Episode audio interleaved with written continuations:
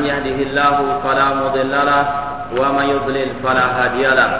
أشهد أن لا إله إلا الله وحده لا شريك له وأشهد أن محمدا عبده ورسوله. يا أيها الذين آمنوا اتقوا الله حق تقاته ولا تموتن إلا وأنتم مسلمون. يا أيها الناس اتقوا ربكم الذي خلقكم من نفس واحدة وخلق منها زوجها وبث منهما رجالا كثيرا ونساء. واتقوا الله الذي تساءلون به والأرحام. إن الله كان عليكم رقيبا. يا أيها الذين آمنوا اتقوا الله وقولوا قولا سديدا. يصلح لكم أعمالكم ويغفر لكم ذنوبكم. ومن يطع الله ورسوله فقد فاز فوزا عظيما. أما بعد فإن أصدق الحديث كتاب الله وخير الهدي هدي محمد صلى الله عليه وسلم. وشر الأمور محدثاتها وكل محدثة بدعة وكل بدعة ضلالة وكل ضلالة في النار Ikhwani fillah rahimani wa rahimakumullah Kita lanjutkan kembali kajian kitab Al-Furqan Baina awliya rahman wa awliya syaitan Awliya syekhul islam Ibn Taymiyyah rahimahullah ta'ala Dan di sini Syekhul Islam Ibn Taimiyah rahimahullah masih dalam pembahasan tentang wali-wali asyaitan dari kalangan asufia yang ekstrim yang tenggelam di dalam akidah kufur, akidah wahdatil wujud. Dikatakan oleh Syekhul Islam di sini wahaulai qad la yata atau wahaulai alladziina yaquluna bil wahdah qad yuqaddimuna al awliya 'ala al anbiya mereka-mereka yang menyatakan tentang bersatunya Allah dengan makhluk, mereka-mereka yang meyakini akidah wahdatul wujud, mereka mendahulukan para wali di atas para para nabi karena mereka telah bersatu dengan Allah. Eh wali-wali tersebut telah bersatu dengan Allah, maka setiap ucapan mereka adalah wahyu Allah Subhanahu wa taala. Mereka langsung diberi wahyu oleh Allah, sedangkan para anbiya melewati para malaikat terlebih dahulu sebelum mendapatkan wahyu tersebut. Mereka lebih mendahulukan para wali dibandingkan para nabi. Au yad'una anna nubuwa lam tanqati atau mereka yang mengatakan adanya wahdatul wujud, mereka menyatakan bahwasanya kenabian itu belum terputus. Eh sehingga banyak nabi-nabi setelah nabi kita Muhammad sallallahu alaihi wasallam yang mereka berhak membuat syariat tersendiri. Eh semuanya adalah kufur yang menyatakan wali lebih di atas para nabi adalah kufur, yang menyatakan kenabian belum terputus semuanya adalah kufur. Kama yudkar an Ibnu Sabi'in wa nahwihi sebagaimana hal ini dinyatakan oleh pakar eh, sufia yang ekstrim yaitu Ibnu Sabi'in, eh, Ibnu Sabi'in, Ibnu Arabi, Ibnu Farid, Atil Misani, ya, mereka semuanya adalah pakar-pakar kekufuran, pakar-pakar keyakinan wahdatil wujud atau akidah wahdatil wujud. Wa al-maratib salasatan. Mereka ya kelompok sufi yang sudah sangat ekstrim, mereka membagi tingkatan manusia itu menjadi tiga. Yaqulun al-abdu yashhadu awalan ta'atan wa maksiyah. Eh mereka mengatakan pertama kali atau tingkat pertama itu seorang hamba masih menyaksikan adanya ketaatan dan kemaksiatan ya, atau mungkin istilah mereka yang lain yaitu dalam tingkat syariat ya, mereka masih takut untuk berbuat maksiat. Mereka masih rajin berbuat ketaatan kepada Allah Subhanahu wa taala. Summa ta'atun bila maksiyah Kemudian tingkatan yang kedua yaitu tingkat ketaatan tanpa adanya kemaksiatan. Nanti akan kita bahas yaitu mereka mengatakan setiap orang yang berbuat ya kebaikan atau kemaksiatan maka itu adalah ketaatan kepada Allah yaitu taat kepada takdirnya Allah. Seolah Allah Allah memaksa mereka berbuat kemaksiatan. Orang yang berbuat syirik, orang yang berbuat kufur itu kata mereka adalah ketaatan kepada Allah karena Allah yang memaksa mereka untuk berbuat demikian. Ini orang itu sudah ya tidak ada lagi ketaatan, ya ada lagi kemaksiatan atau ketaatan dalam artian mentaati takdir Allah. Summa ta'ata. Tingkatan yang ketiga yang terakhir yang paling puncak yaitu tidak ada lagi istilah kemaksiatan, tidak ada lagi ketaatan. Karena apa? Semuanya melebur dengan zatnya Allah Subhanahu wa taala. Maka tidak ada istilah ketaatan karena Allah dan makhluk telah bersatu, makhluk telah bersatu dengan Allah. Maka mana yang disembah, mana yang menyembah? Dua-duanya telah bersatu. Ini adalah ucapan orang-orang wahdatul wujud. Wa syuhudul awal huwa syuhudus sahih. Kata Syekhul Islam Ibn Taimiyah rahimahullah, adapun yang pertama inilah yang hak, yaitu bahwasanya manusia di atas muka bumi ini mereka adalah orang-orang yang diperintahkan untuk menjalankan ketaatan dan menjauhi kemaksiatan. Ya, tingkat syariatnya orang sufi itu adalah imannya hamba-hamba Allah Subhanahu wa taala. Namun demikianlah orang-orang tasawuf yang sudah sangat ekstrim, mereka merendahkan, menghinakan orang-orang yang melakukan ketaatan kepada Allah, yang menjalankan ketaatan kepada Rasul sallallahu alaihi wasallam. Wa huwal farqu taati wal ma'asi.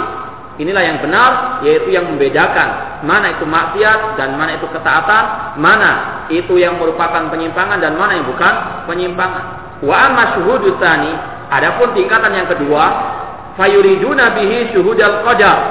Mereka memaksudkan dengannya adalah syuhudul qadar, masalah takdir, bahwasanya manusia semua itu hakikatnya adalah taat kepada Allah. Orang itu berbuat kekafiran itu karena takdir Allah, maka itu adalah ketaatan kepada Allah Subhanahu wa taala. Ini adalah salah satu bentuk penyimpangan dalam masalah takdir. Nanti kita akan jelaskan.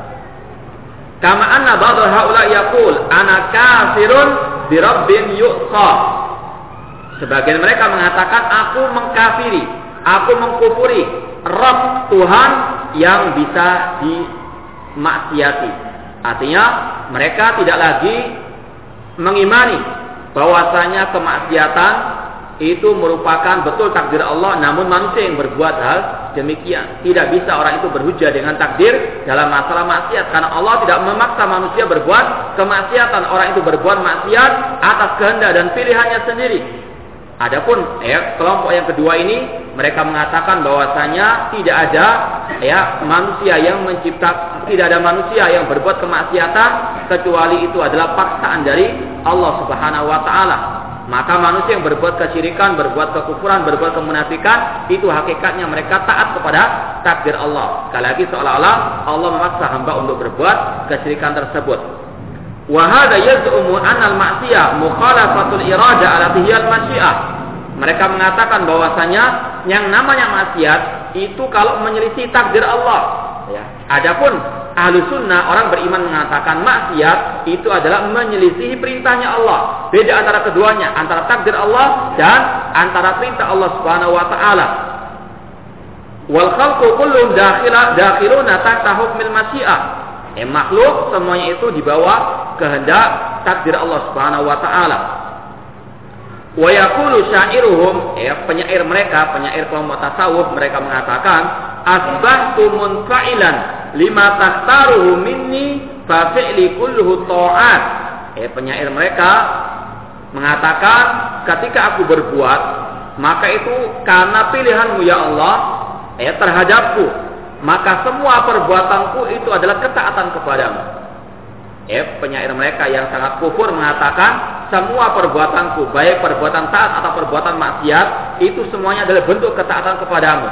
Ya, orang berbuat zina itu kata mereka adalah berbuat taat kepada Allah karena itu takdir dari Allah Subhanahu wa taala.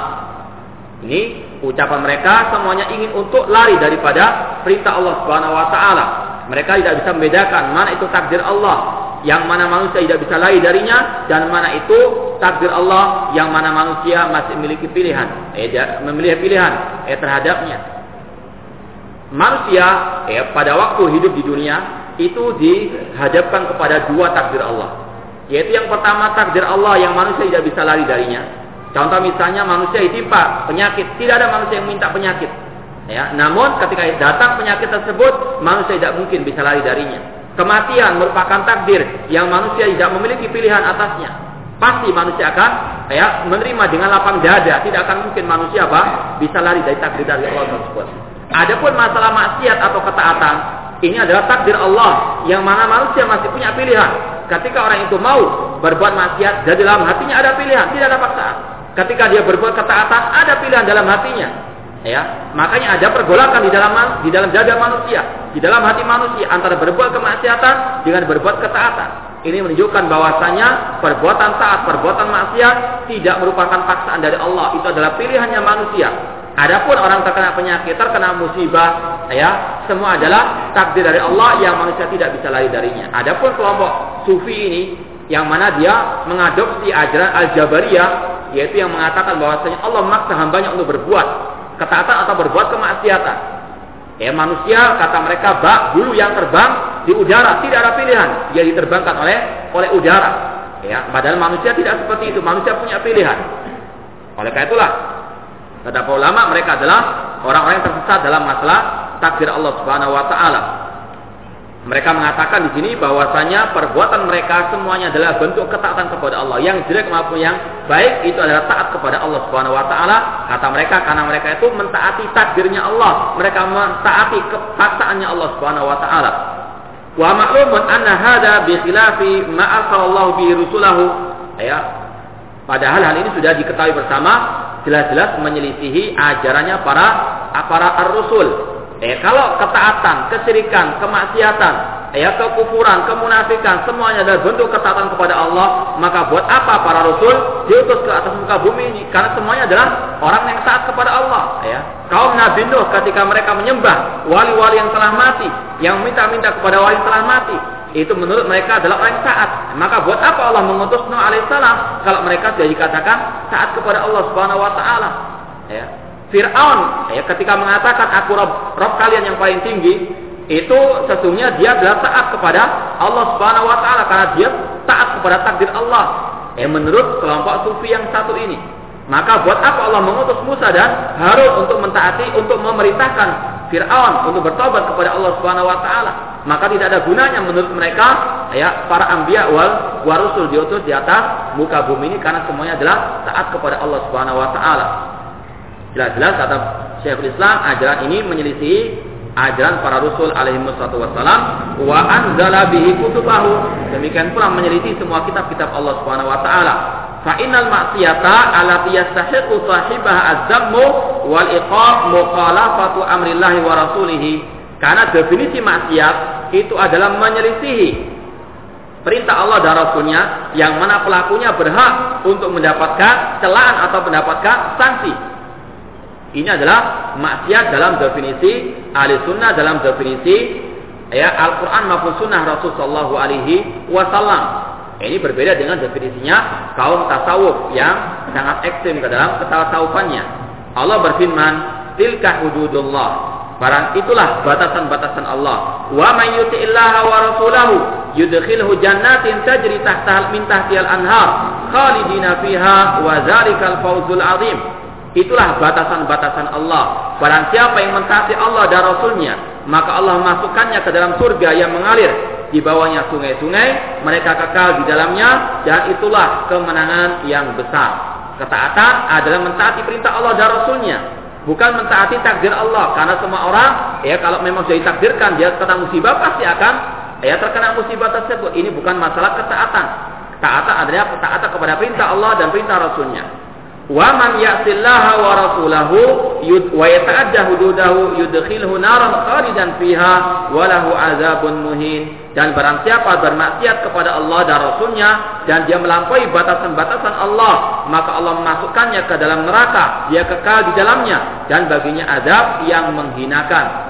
Ini namanya maksiat. Maksiat adalah menyelisihi perintah Allah dan perintah Rasulnya Shallallahu Alaihi Wasallam.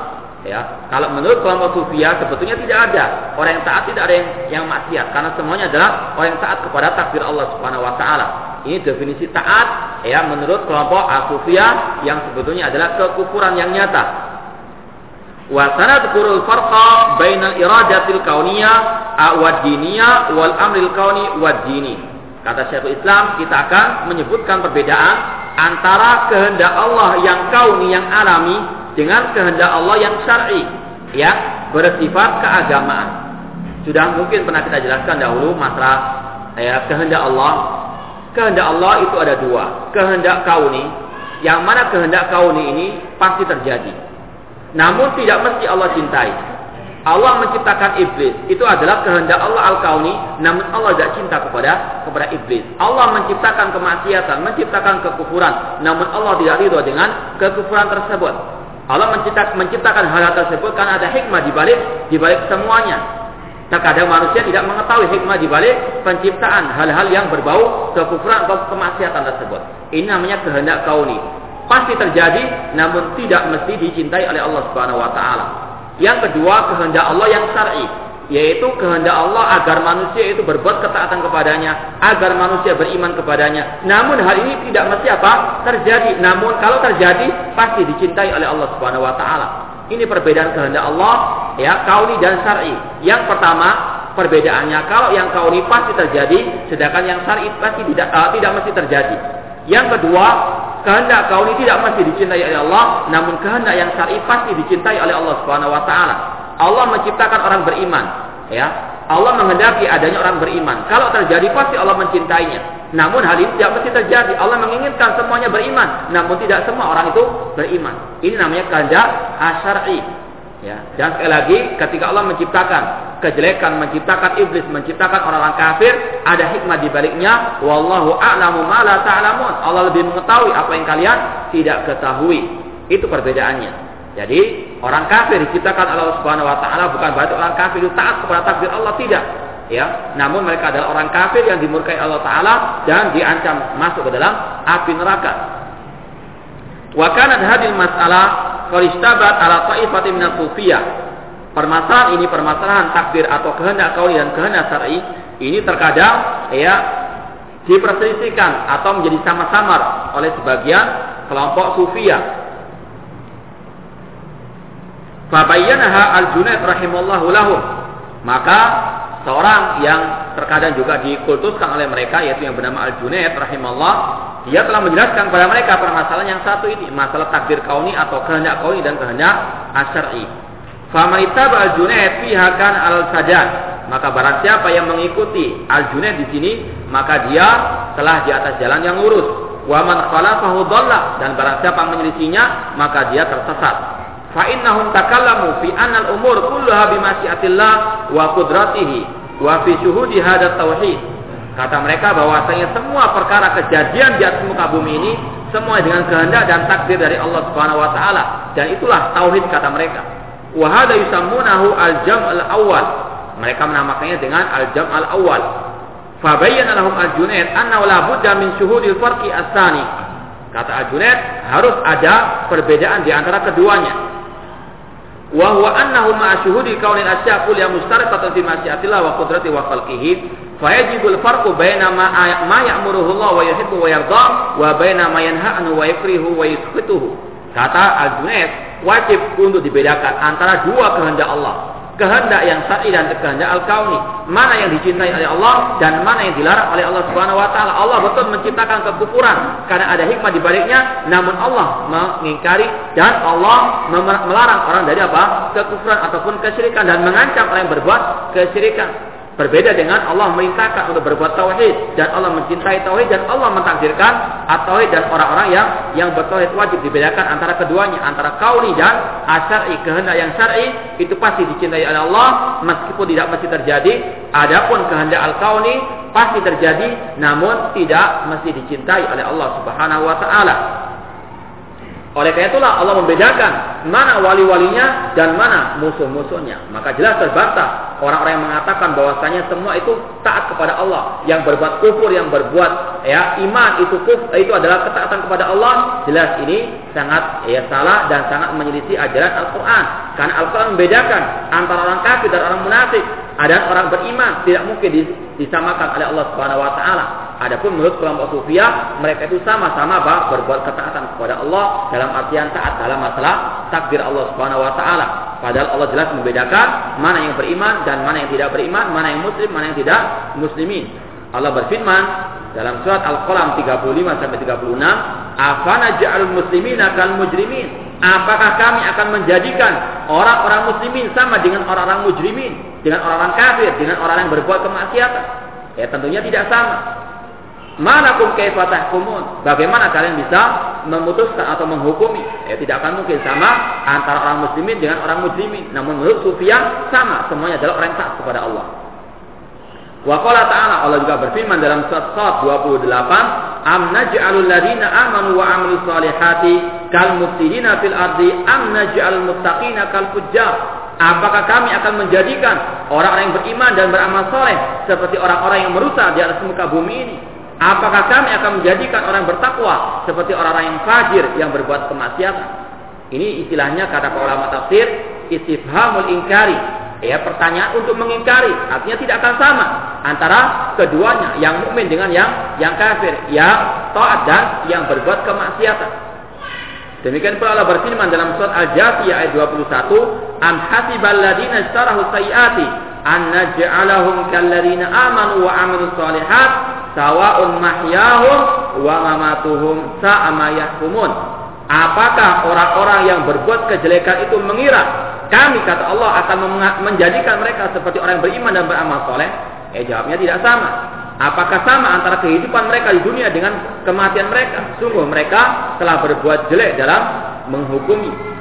Demikian pula Allah berfirman, "Wa ma yastawil a'ma wal basir, walladzina amanu wa amilus salihati walal musi, qalilan ma tadhakkarun." Apakah sama orang yang buta dan orang yang mengetahui atau yang melihat? Dan apakah sama orang yang beriman dan beramal soleh dengan orang-orang yang musi yang berbuat kejelekan sedikit dari mereka atau sekalian yang me, me, me, mengingatnya. Ini menunjukkan perbedaan. Ya, Allah membedakan, memisahkan antara yang berbuat amal soleh dengan berbuat kemaksiatan. Ya, kata orang sufi semuanya berbuat ketaatan. Ini jelas-jelas menentang ya Al-Quran ataupun hari-hari Rasulullah SAW. ولهذا كان مذهب السلف الأمة وأئمتها أن الله خالق كل شيء وربه ومليكه ما شاء كان وما لم يشاء لم يكن لا رب غيره وهو مع ذلك أمر بالطاعة oleh karena itulah mazhab salaf ya mazhab al-sunnah wal jamaah ajarannya imam-imam al-sunnah mereka mengatakan Allah yang menciptakan segala sesuatu Allah adalah Rabbnya segala sesuatu Allah lah rajanya segala sesuatu apa yang dia kehendaki pasti terjadi dan apa yang tidak dikehendaki pasti tidak terjadi.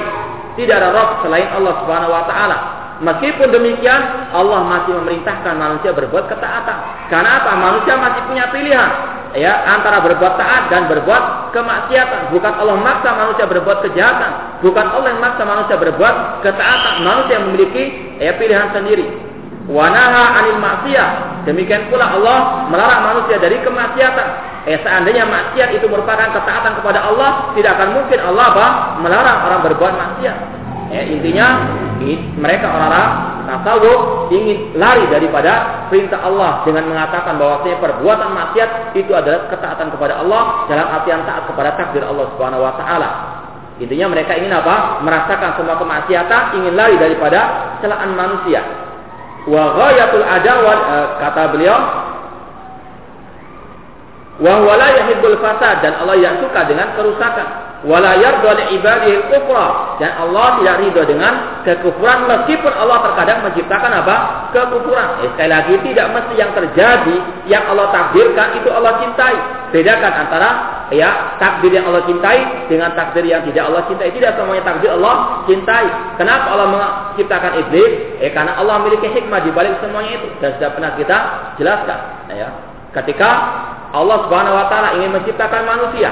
Ya. Wa id qala rabbuka lil malaikati inni ja'il fil ardi khalifah qalu ataj'alu fiha man yufsidu fiha wa yasfiku dima wa nahnu nusabbihu bihamdika wa nuqaddisu lak qala inni a'lamu ma la ta'lamun Ingatlah ketika Rabbmu Allah Subhanahu wa taala berkata kepada mereka, sesungguhnya aku ingin menjadikan khalifah, pemimpin di atas muka bumi ini, aku ingin menciptakan manusia.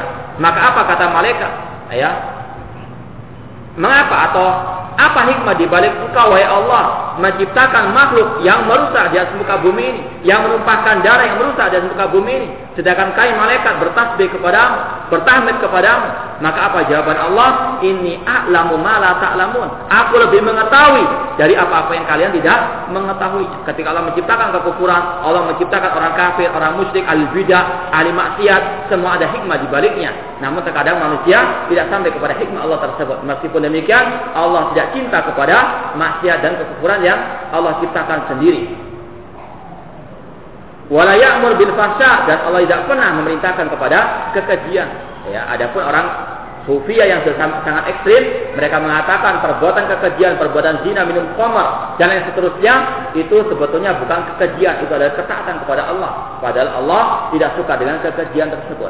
Wa in kanat waqi'atan bimasiati meskipun kekejian tersebut, meskipun kemaksiatan tersebut terjadi dengan maksi dengan masyiah atau kehendak dari Allah Subhanahu wa taala. Ya, kita yakini semua yang terjadi itu adalah kehendak dari Allah dan Allah memiliki hikmah di balik semua takdirnya. Ya. Wa ma tasyauna illa an Allah rabbul alamin. Tidaklah kalian berkehendak kecuali dengan kehendak Allah Subhanahu wa taala. Imam Syafi'i mengatakan, "Masih takana wa illam asa." Apa yang engkau kehendaki pasti terjadi meskipun aku tidak menghendaki. Wa masih itu ilam tasa lam yakun. Dan jika aku berkehendak sedangkan engkau tidak berkehendak ya Allah, tidak akan mungkin terjadi. Eh, semua dengan takdir Allah, semua dengan ya semua dengan kehendak dari Allah eh meskipun kehendak Allah terbagi menjadi dua kehendak yang syar yang pasti dicintai dan kehendak yang kauni yang tidak pasti dicintai oleh Allah Subhanahu wa taala Fawala yuhibbuha meskipun Allah tidak cinta dengan kerjaan dan Allah yang menciptakannya. Wala yadwa tidak ridho dengannya. Bal yubghituha bahkan Allah membenci orang yang berbuat kekejian atau kemaksiatan. Wa yadhummu ahlaha wa yu'aqibuhum dan Allah mencela mereka dan Allah akan memberikan sanksi kepada mereka di dunia maupun di akhirat. Ini tingkatan yang kedua tingkatan taat tanpa maksiat ini adalah tingkatan ya orang sufia yang ingin lari daripada perintah Allah Subhanahu wa taala atau perintahnya Rasul sallallahu alaihi wasallam. Kemudian al-martabatus salisa tingkatan yang ketiga, ini yang lebih ekstrim lagi, lebih kufur lagi. Allah yashhada ta'atan wala ma'siyah, yaitu seorang hamba yang tidak bisa menyaksikan lagi mana kemaksiatan, mana ketaatan. Karena dia sudah melebur dengan zatnya Allah Subhanahu wa taala, maka tidak ada lagi yang disembah dan tidak ada tidak ada lagi yang yang menyembah karena semuanya sudah bersatu padu menjadi satu zat kata mereka. Fa innahu yara anna wujuda wahidun karena dia mengatakan wujudnya segala sesuatu itu satu yaitu wujudnya Allah Subhanahu wa taala. Wa indahum anna hadza ghayatu tahqiqi wal wilayah lillah. Kata mereka inilah puncak daripada wilayah kewalian manusia kepada Allah Subhanahu wa taala. Eh namanya wali kata mereka itu yang sudah bersatu dengan Allah. Tidak ada lagi kemaksiatan, tidak ada ketaatan, semuanya adalah halal, semua dibolehkan kata mereka. Eh karena tidak ada yang merintah, tidak ada yang diperintah, tidak ada yang melarang dan tidak ada yang dilarang, semuanya satu kata kata mereka. Wa huwa fil haqiqah ghayatul ilhad fi asma'illahi wa ayatihi wa ghayatul adawalillah. Padahal ini hakikatnya adalah puncak ateisme puncaknya kekufuran di dalam nama-nama dan ayat-ayat Allah Subhanahu wa taala dan ini adalah puncak ayat permusuhan manusia dengan Allah Subhanahu wa taala. Namun mereka tidak mau menyadarinya mereka mau ya ingin untuk apa membohongi manusia dengan ya kesufiannya ini. Fa inna sahiba hadzal masyhad yattakhidul yahuda wa nasara wa sa'ira kufari awliya. Ya mereka dengan pernyataan seperti ini, dengan wahdatul wujud, mereka ingin menjadikan Nasara atau Yahudi dan semua orang kafir itu adalah wali-wali Allah Subhanahu wa taala. Padahal Allah berfirman, "Wa man yatawallahum minkum fa innahu minhum." Dan barang siapa yang berloyalitas kepada mereka orang-orang kafir, maka mereka bagian dari orang-orang kafir tersebut. Ya, fa innahu minhum maka dia bagian dari orang-orang kafir tersebut. Maka dari pernyataan mereka adanya wahdatul wujud, mereka pindah kepada ya ajaran baru yaitu wahdatul adyan. Ya, pertama mengatakan wahdatul wujud, Allah bersatu dengan semua manusia. Kemudian berkembang lagi menjadi istilah wahdatul adyan yaitu bersatunya semua agama. Kata mereka agama ini semuanya sama karena semua adalah menyembah Allah. Baik mereka menyembah berhala, menyembah wali yang telah mati, hakikatnya mereka adalah menyembah Allah. Maka eh, orang Yahudi, orang Nasrani, orang-orang kafir, Buddha, Hindu dan seterusnya, mereka adalah wali-wali Allah Subhanahu wa taala. Mereka tidak ada bedanya dengan orang-orang muslimin. Maka eh, muncul istilah sekarang apa? Ya, dialog antar agama, ya, berkumpul dalam satu ya diskusi mereka saling apa? Tukar pikiran, ya. Artinya mereka tukar apa? Tukar akidah, tukar apa? Tukar agama. Eh maka mereka semua adalah orang kufar. Eh maka mereka bersatu dalam kekufuran. Ini di antara kelompoknya adalah orang sufi. Dari wahdatul wujud menjadi wahdatul adiyah. Eh bersatunya antar agama. Eh maka tidak aneh kalau mereka orang-orang sufi, mereka ketol untuk apa? Mengadakan diskusi antar semua agama dalam rangka untuk eh, toleransi antar umat beragama. Maka Allah mengatakan wa man yatawallahu minkum fa minhum barang siapa yang berloyalitas kepada orang-orang kafir menganggap mereka agamanya benar ya maka itu adalah bagian dari mereka. Wala yatabarra min wal ausan. Ya, mereka yang sudah sampai ke derajat wahdatul wujud tidak lagi berlepas dari kesirikan, tidak lagi pernah benci kepada syirik kesirikan. Eh bahkan mereka sendiri berbuat kesirikan. Ya, mereka mengatakan orang yang berbuat syirik yang berbuat ya menyembah kepada berhala, hakikatnya mereka menyembah Allah Subhanahu wa taala karena wujudnya adalah wujudnya Allah Subhanahu wa taala. Fayaqrudu an millat Ibrahim al-Khalil. Maka orang seperti ini telah keluar daripada agama atau ajarannya Nabi Ibrahim alaihissalam dari ajaran tauhid. Allah Subhanahu wa taala berfirman, "Qad kanat lakum uswatun hasanatun fi Ibrahim wal ladina ma'ahu id qalu liqaumihim inna bura'a'un minkum wa mimma ta'buduna min dunillah kafarna bikum wa bada bainana wa bainakumul adawatu wal baghdau abadan hatta tu'minu billahi wahda." Allah berfirman, sungguh telah ada suri toladan yang baik pada diri Ibrahim dan para nabi-nabi yang bersama beliau, yang satu iman, satu akidah. Ketika mereka mengatakan kepada kaum mereka, sesungguhnya kami berlepas diri dari kalian dan dari apa yang kalian sembah selain Allah. Eh kami mengkufuri kalian dan telah nampak permusuhan antara kami dan kalian selama-lamanya sampai kalian beriman kepada Allah semata. Eh orang-orang Wedatul wujud yang mengatakan Allah Ta'ala bersatu dengan hambanya, mereka mengatakan semua itu hakikatnya menyembah Allah. Maka mereka tidak ada lagi permusuhan, tidak ada lagi kebencian kepada kesyirikan ataupun orang-orang yang berbuat syirik. Karena kata mereka semuanya adalah menyembah Allah Subhanahu wa taala. Maka jelas-jelas mereka adalah orang yang keluar daripada ajaran tauhid, yang keluar daripada ajarannya Nabi Ibrahim alaihi assalam yang mengatakan perang atau kebencian, permusuhan kepada orang yang berbuat syirik ataupun kesyirikan. Wa qala al-Khalil alaihissalam liqaumi al-musyrikin. Ya, Nabi Ibrahim alaihissalam Khalilullah pernah mengatakan kepada kaumnya yang musyrikin, "Afara'aitum ma kuntum ta'budun?" Mengapa kalian tidak memperhatikan apa yang kalian sembah? Antum wa aba'ukum al-abjamun. Apa yang kalian sembah dan yang sembah oleh nenek moyang kalian terdahulu. Fa innahum aduwwul illa rabbal alamin. Sesungguhnya mereka adalah musuh yang nyata bagiku kecuali Rabbul alamin. Kecuali Allah Subhanahu wa taala. Ini adalah pernyataan Ibrahim alaihissalam untuk yang menyatakan perang kepada kesyirikan dan orang-orang yang berbuat kesyirikan. Wa qala ta'ala Allah juga berfirman, la tajidu qauman yu'minuna billahi wal yaumil akhir yuwaduna man hadallaha wa rasulah walau kanu aba'ahum au abna'ahum au ikhwanahum au ashiratahum ulaika kataba fi qulubihimul iman wa ayyadahum bi ruhin minhum Kata Nabi Allah Allah berfirman, tidaklah engkau wahai Nabi Muhammad, eh, tidaklah engkau Nabi Muhammad mendapatkan suatu kaum sekelompok manusia yang mereka beriman kepada Allah dan hari akhir, mereka mencintai orang-orang yang memaksiati, yang mengkufuri Allah dan Rasulnya.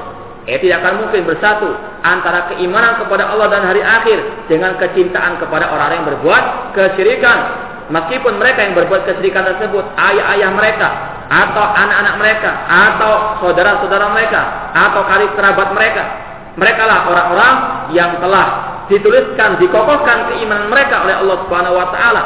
Eh, orang yang beriman yang dikokohkan imannya oleh Allah Taala adalah orang yang benci kepada kesyirikan dan yang benci kepada kekufuran. Tidak ada loyalitas kepada orang kafir atau kepada orang-orang musyrikin. Wahaulai, eh mereka orang-orang wahdatul wujud, mereka menjadikan orang kafir sama satu saudara dengan dengan mereka.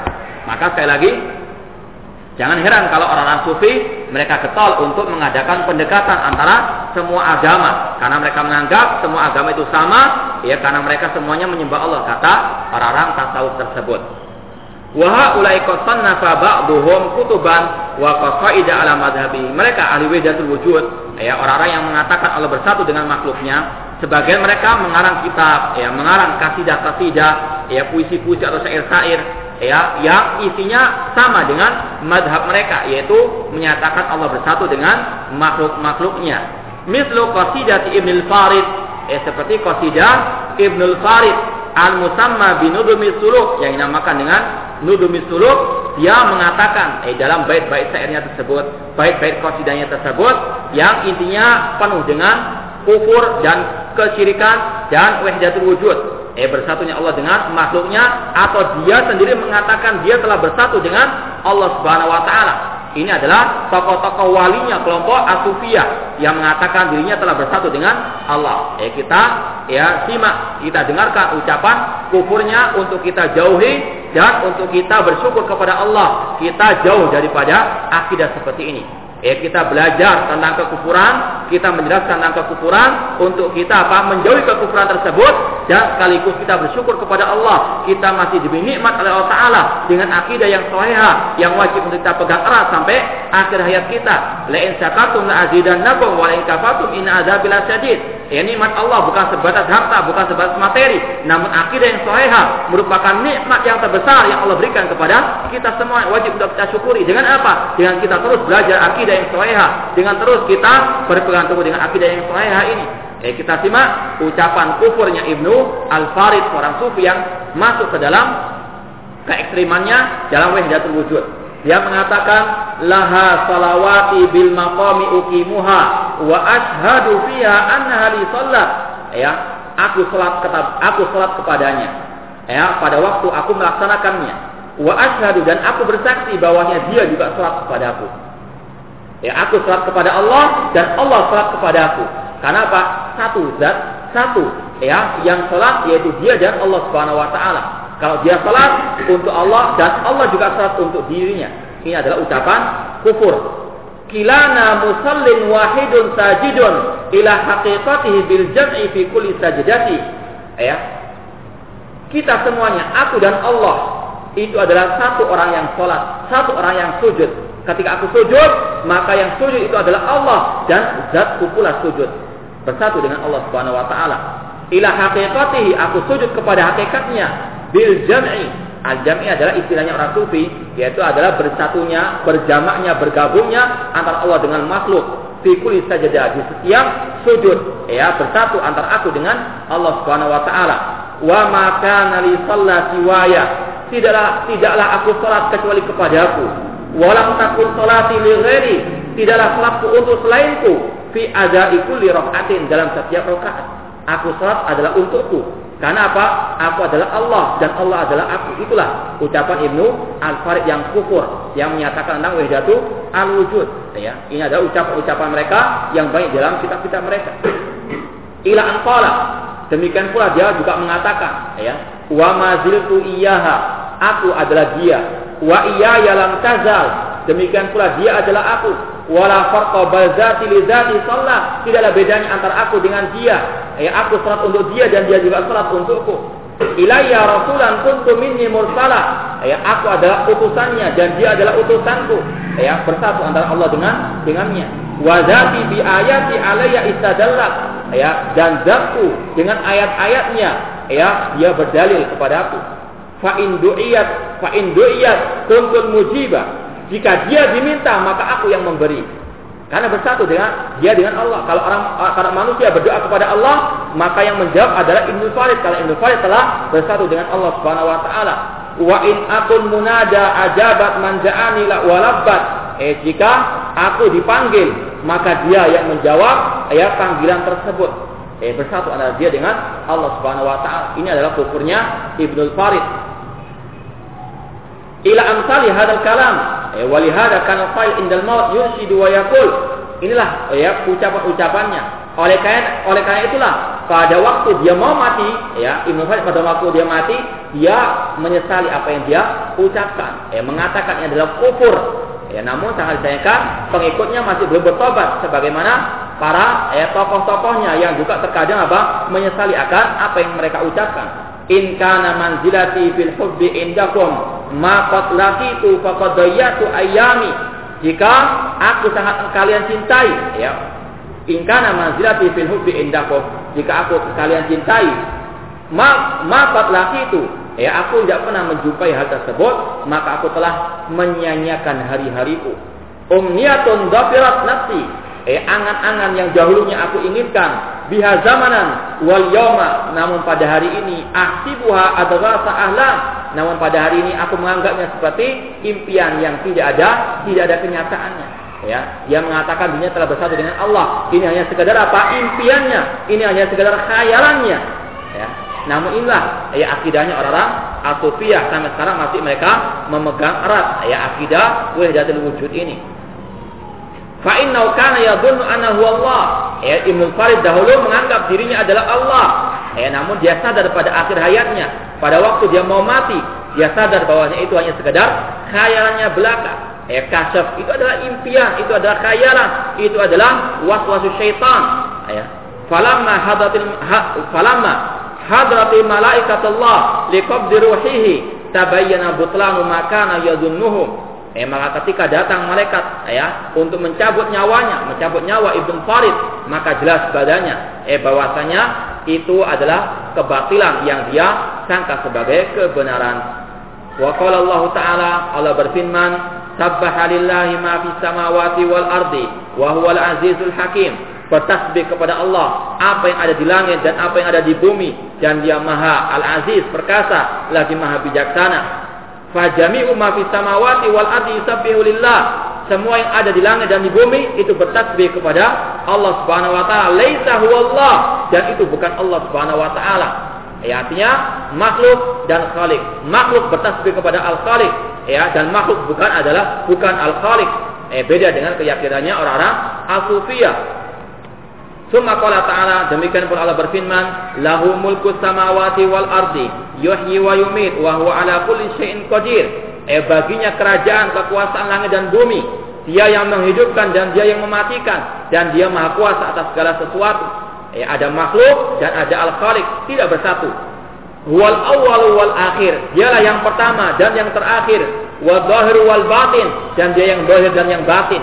Ya, ini di antara asmaul husna al awal wal akhir wal dhair wal batin. Apa artinya al awal? Artinya dialah yang pertama kali ada eh tanpa adanya makhluk. Eh, sebelum adanya makhluk dialah yang ada dahulu. Kemudian al akhir dialah yang yang ada sesudah makhluk. Dan al dhahir dialah yang ada di atas langit wal batin dialah yang dekat dengan hambanya, yang mengetahui segala gerik hamba-hambanya. Wa huwa alim dan dia maha mengetahui segala sesuatu.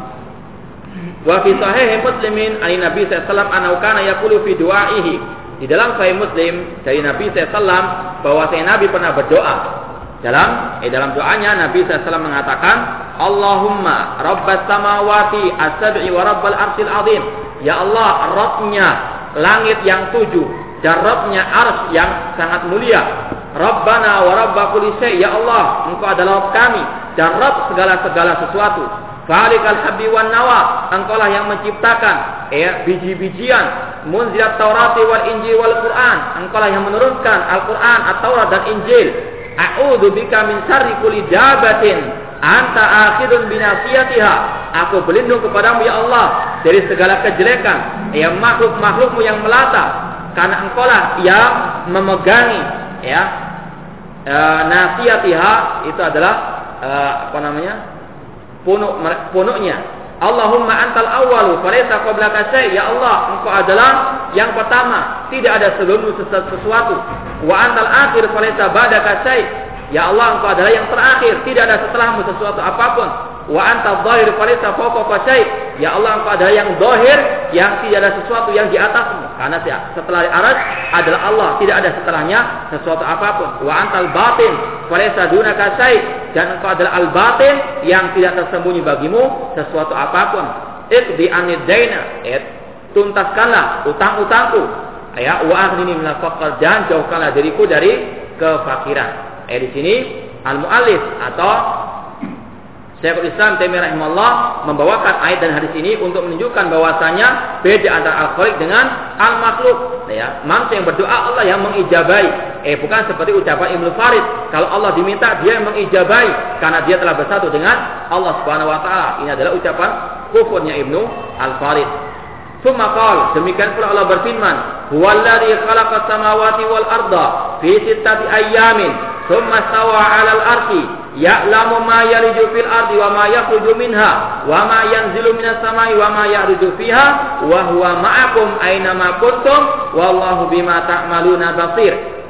Ini di antara ayat yang menjadi syubhat bagi atau yang dijadikan syubhat bagi kelompok wahdatul wujud yang mengatakan Allah bersatu dengan semua makhluknya.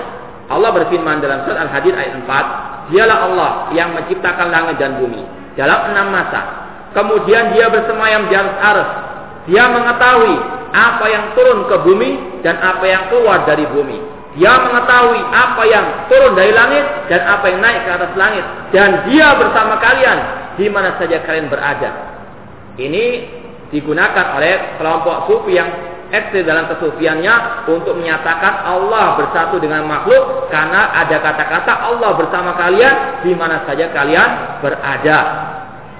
Dan wallahu bima ta'maluna basir dan Allah mengetahui apa yang kalian lakukan.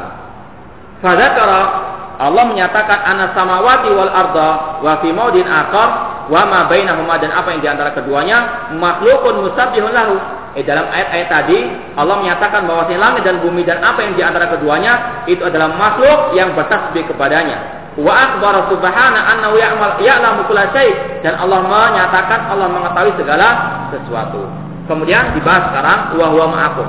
Amma lafdu atau amma qauli wa huwa ma'akum wa lafdu ma'a la taqtadi fi lughatil arab an yakuna ahadu syai'aini mukhtalitan bil akhar. Kata-kata dia bersama kalian, ya, di mana saja kalian berada, kata-kata bersama ya, dalam bahasa Arab dan dalam bahasa apa pun juga tidak mengharuskan ya dua hal bersatu dalam satu zat. Ya, kata-kata bersama tidak harus apa menyatakan ya dua hal, dua zat bersatu dalam satu zat. Ini hanya sekedar kerancuannya orang-orang sufi yang mereka berdalil dengan Al-Quran untuk mengatakan, untuk membela, melegalkan kekufuran mereka. Padahal ayat ini tidak ada sama sekali hubungannya dengan akidah mereka. Karena kata-kata dia Allah bersama kalian tidak mesti dua zat bersatu dalam satu zat. Ya, seperti contohnya Allah berfirman, "Ittaqullah wa kunu ma'as Allah mengatakan, wahai manusia, wahai orang beriman, bertakwalah kepada Allah dan hendaklah kalian bersama orang-orang yang sadiqin. Apakah kita harus menempel bersatu melepuh dengan orang-orang yang sadiqin? Tentunya tidak. Ya. Demikian pula Allah berfirman, Muhammadun Rasulullah walladina ma'ahu asyidda'u wal kufari ruhama'u bainahum. Muhammad adalah utusan Allah dan yang bersama Rasul yaitu para sahabat. Apakah berarti para sahabat itu bersatu dengan Rasul? Ya, tentunya tidak. Eh, secara bahasa kata-kata bersama tidak harus menunjukkan dua yang berbeda bersatu dalam satu kesatuan. Sekali lagi ini adalah kejahilan kebodohannya orang-orang sufi dalam memahami ayat Al-Quran. Waladina amanu min ba'du wa hajaru wa jahadu ma'akum dan orang beriman setelahnya dan yang berhijrah dan yang berjihad itu bersama kalian mereka lah orang-orang di antara kalian ya tidak harus namanya bersama itu apa? Ya menempel atau melebur jadi jadi satu. Waladdu ma'ajat fil Quran amatan wa khasatan. Dan kata-kata Allah bersama ya itu ada dua macam bentuknya. Dan ini sudah pernah kita sampaikan al-ma'iyah. Kebersamaan Allah ada dua macam. Kebersamaan Allah secara umum dan kebersamaan Allah secara khusus. Kebersamaan Allah secara umum itu artinya Allah melihat hambanya Allah mengawasi hambanya. Allah mendengar semua pembicaraan hambanya. Ini namanya al-ma'iyah. Kebersamaan Allah secara umum. Baik dengan orang kafir, baik dengan orang mukmin, baik dengan al-bid'ah dengan ahli sunnah. Allah bersama mereka dalam artian Allah bersama mereka dengan ilmunya Allah, dengan penglihatannya Allah, dengan pendengarannya Allah. Makanya Allah mengatakan tadi wa huwa ma'akum aina ma. Dia bersama kalian di mana saja kalian berada, yang kafir, yang mukmin bersama Allah. Dalam artian bersama ilmunya Allah, selalu diawasi oleh Allah, selalu didengar ucapannya oleh Allah Subhanahu wa taala. Ini namanya al-ma'iyatul amah, kebersamaan Allah secara umum. Fal ama fi hadil ayat wa fi ayatin mujadilah. Ya kebersamaan Allah secara umum itu disebutkan dalam surat Al-Hadid ayat 4 tadi. Demikian pula dalam surat Al-Mujadilah ayat yang ketujuh Allah berfirman alam tara annallaha ya'lamu ma fis samawati wa ma fil ardi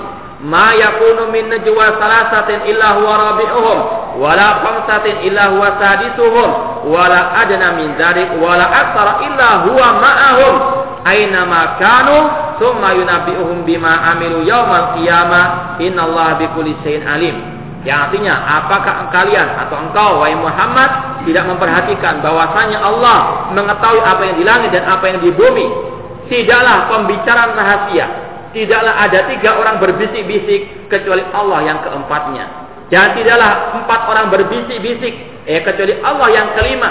Dan tidaklah yang berbisik-bisik ada lima orang kecuali Allah yang yang keenam. Artinya apa? Allah mendengar pembicaraan mereka wala adana min dalik wala akthar tidak kurang jumlahnya dari itu atau yang lebih kecuali Allah. Dia bersama mereka di mana saja mereka berada. Dengan apa? Dengan pendengarannya Allah dengan penglihatannya Allah. Bukan dengan zatnya Allah Subhanahu wa taala. Zatnya Allah ada di atas aras zatnya Allah ada di atas aras di atas langit. Namun ilmunya Allah di mana-mana bersama manusia. Allah mengawasi manusia di mana saja manusia berada dan ini juga ya dipahami secara bahasa, ya dipahami secara bahasa. Contoh misalnya sirtu wal qamara ma'ana. Eh dalam bahasa dikatakan aku berjalan di malam hari bersama rembulan. Ya. Aku berjalan di malam hari bersama rembulan. Apakah berarti rembulan itu menempel kepada manusia? Tidak. Rembulan ada di atas, namun dia bersama manusia di mana saja dia berada dengan sinarnya. Demikian pula walillahi masal Allah. Allah Maha tinggi, Allah memiliki perumpamaan yang Maha tinggi. Ya Allah ada di atas arat, namun ilmunya bersama hamba-hambanya. Ini dipahami secara bahasa. Namun itulah orang-orang sufi yang bodoh kepada syariat, yang bodoh kepada ayat-ayat masalah bahasa Arab. hal kalam bil ilmi di dalam ayat-ayat ini Allah membuka dengan masalah ilmunya. Ya. Wa bil ilmi. Allah menutupnya dengan masalah ilmu. Artinya yang bersama manusia itu bukan zatnya Allah namun ilmunya Allah Subhanahu wa taala. Ya, seperti contohnya yang sudah sering kita sampaikan juga, Allah mengatakan dari dalam surat Al-Hadid, ya, Dialah Allah yang menciptakan langit dan bumi dalam enam masa. Kemudian dia bersemayam di atas aras, zatnya di atas aras. Dia mengetahui apa yang di, yang keluar dari bumi dan apa yang masuk ke bumi. Dan dia mengetahui apa yang turun dari langit dan apa yang naik ke atas langit dan dia bersama kalian di mana saja kalian berada. Pembukaannya masalah ilmu. Ditutup juga dengan masalah ilmu dan Allah bima ta'maluna basir. Allah mengetahui apa yang kalian lakukan. Artinya apa? Dia bersama kalian dengan ilmunya bukan dengan dengan zatnya. Karena memang ayat Al-Qur'an itu bisa dipahami lewat konteks Al-Qur'an tersebut. Kemudian kata walihada Qala Ibn Abbas wa Dhahhak wa Sufyan As-Sauri wa Ahmad bin Hambal huwa ma'ahum bi ilmihi. Oleh karena itulah para pentafsir Al-Qur'an dari kalangan sahabat maupun tabi'in maupun para imam-imam al-sunnah. Seperti Abdullah bin Abbas radhiyallahu anhu penafsir Al-Qur'an dari kalangan sahabat. Ad-Dhahhak Sufyan As-Sauri dan juga Imam Ahmad bin Hambal mereka semuanya sepakat untuk mentafsirkan dia Allah bersama mereka bi ilmihi dengan ilmunya. Wa ma'ahum bi ilmihi bukan dengan apa? Dengan zat Allah Subhanahu wa taala. Eh maka sesat maka batil atau salah orang yang mengatakan ya Allah bersama makhluk dengan zatnya. Atau mengatakan juga Allah di mana-mana dengan zatnya tidak. Allah zatnya hanya satu di atas langit di atas aras namun ilmunya di mana-mana bersama makhluk-makhluknya. Ini yang berkaitan dengan al-ma'iyatul amma, kebersamaan Allah secara umum kepada makhluk-makhluknya. Amal ma'iyatul khasah ataupun adapun kebersamaan Allah secara khusus, maka ini hanya bagi hamba-hamba yang beriman, yang beramal soleh, bagi wali-walinya yang dekat kepada Allah, yang melaksanakan perintah dan menjauhi larangan Allah, dan yang melakukan sunnah-sunnah Rasul Shallallahu Alaihi Wasallam. Maka Allah bersama mereka dengan pertolongannya, dengan perlindungannya, eh dengan eh kekuatannya, sebagaimana Allah berfirman innallaha ma'alladina taqau walladina hum muhsinun sesungguhnya Allah bersama orang yang bertakwa dan orang-orang yang berbuat kebaikan kalau tadi ayatnya secara umum Allah bersama kalian yang kafir ataupun yang mukmin wa huwa ma'hum aina Allah bersama mereka di mana mereka berada ini secara umum dengan manusia semua yang kafir ataupun mukmin. Namun di sini Allah mengkhususkan bagi orang yang bertakwa saja dan bagi orang-orang yang berbuat kebaikan. Beda. Kalau kebersamaan Allah dengan orang kafir dengan orang secara umum itu dengan ilmunya. Adapun dengan secara khusus di sini Allah bersama mereka dengan pertolongannya. Maka ada istilah apa? Al-karamah bagi wali-wali Allah ketika mereka betul-betul dalam keadaan marah bahaya Allah menolong mereka. Itulah arti kebersamaan Allah dengan para wali-walinya, dengan orang-orang yang beriman dan yang bertakwa. Demikian pula Allah berfirman kepada Nabi Musa alaihissalam, Inni ma'akuma asma'u wa. Sesungguhnya aku bersama kalian berdua, wahai Nabi Musa dan Harun. aku mendengar dan aku melihat kalian. Namun bukan hanya sekedar melihat dan mendengar, namun Allah juga menolong ayat Nabi Musa dan Nabi Harun alaihi assalam. Demikian juga Allah berfirman kepada Nabi kita Muhammad SAW dan kepada sahabat beliau Abu Bakar As-Siddiq ketika ber, mereka berdua berada dalam dua sahur ya ketika mau hijrah ke kota Al-Madinah mereka dikejar oleh musyrikin. Mereka ya ingin dibunuh oleh orang musyrikin. Maka apa yang difirmankan Allah taala? Allah mengatakan it yaqul li la tahzan innallaha ma'ana. Allah berfirman tentang ucapan Nabi Ibrahim ingatlah Eh, ingatlah ketika Nabi Muhammad SAW berkata kepada sahabatnya, yaitu Abu Bakar As-Siddiq, Ela tahzan, jangan engkau bersedih karena sesungguhnya Allah bersama kami atau bersama kita. Bersama dengan apa? Dengan pertolongannya, dengan perlindungannya, sehingga mereka pun selamat, ya, dengan pertolongan dari Allah Subhanahu Wa Taala sampai ke kota Al-Madinah. Yani an Nabiya sallallahu Abu Bakar As-Siddiq radhiyallahu anhu yang dimaksud dalam ayat tadi surat At-Taubah 40 Allah ya bersama Nabi SAW dan bersama Abu Bakar Siddiq bahwa ma'a Musa wa Harun dan Allah bersama Nabi Musa dan Harun dengan pertolongan dan pelindungannya duna Fir'aun ya tanpa Fir'aun artinya ini kekhususan bagi apa para nabi-nabi tersebut dan para wali-wali tersebut. Adapun Fir'aun, ia dia bersama Allah. Dalam artian Allah melihatnya, Allah mengawasinya. Bukan berarti Allah menolong Fir'aun dengan kebersamaannya. Wa ma Muhammad wa sahibi dun Abi Jal wa ghairi min adaihi. Allah bersama Muhammad SAW dan bersama Bakar Siddiq dengan pertolongannya bukan dengan Abu Jahal atau yang selainnya dari musuh-musuh Allah Subhanahu wa taala. Wa ma'alladzina taqaw walladzina hum muhsinun. Ya Allah bersama orang yang bertakwa dan orang yang berbuat kebaikan dan tidak bersama orang yang dolim dan orang yang melampaui batas dengan pertolongan ataupun ya perlindungannya. Ini ya sekali lagi Allah bersama makhluk dengan ilmunya bukan dengan zatnya dan juga dengan pertolongannya bukan dengan zatnya. Wallahu taala wa da'wana alhamdulillahi rabbil alamin wassalamualaikum warahmatullahi wabarakatuh.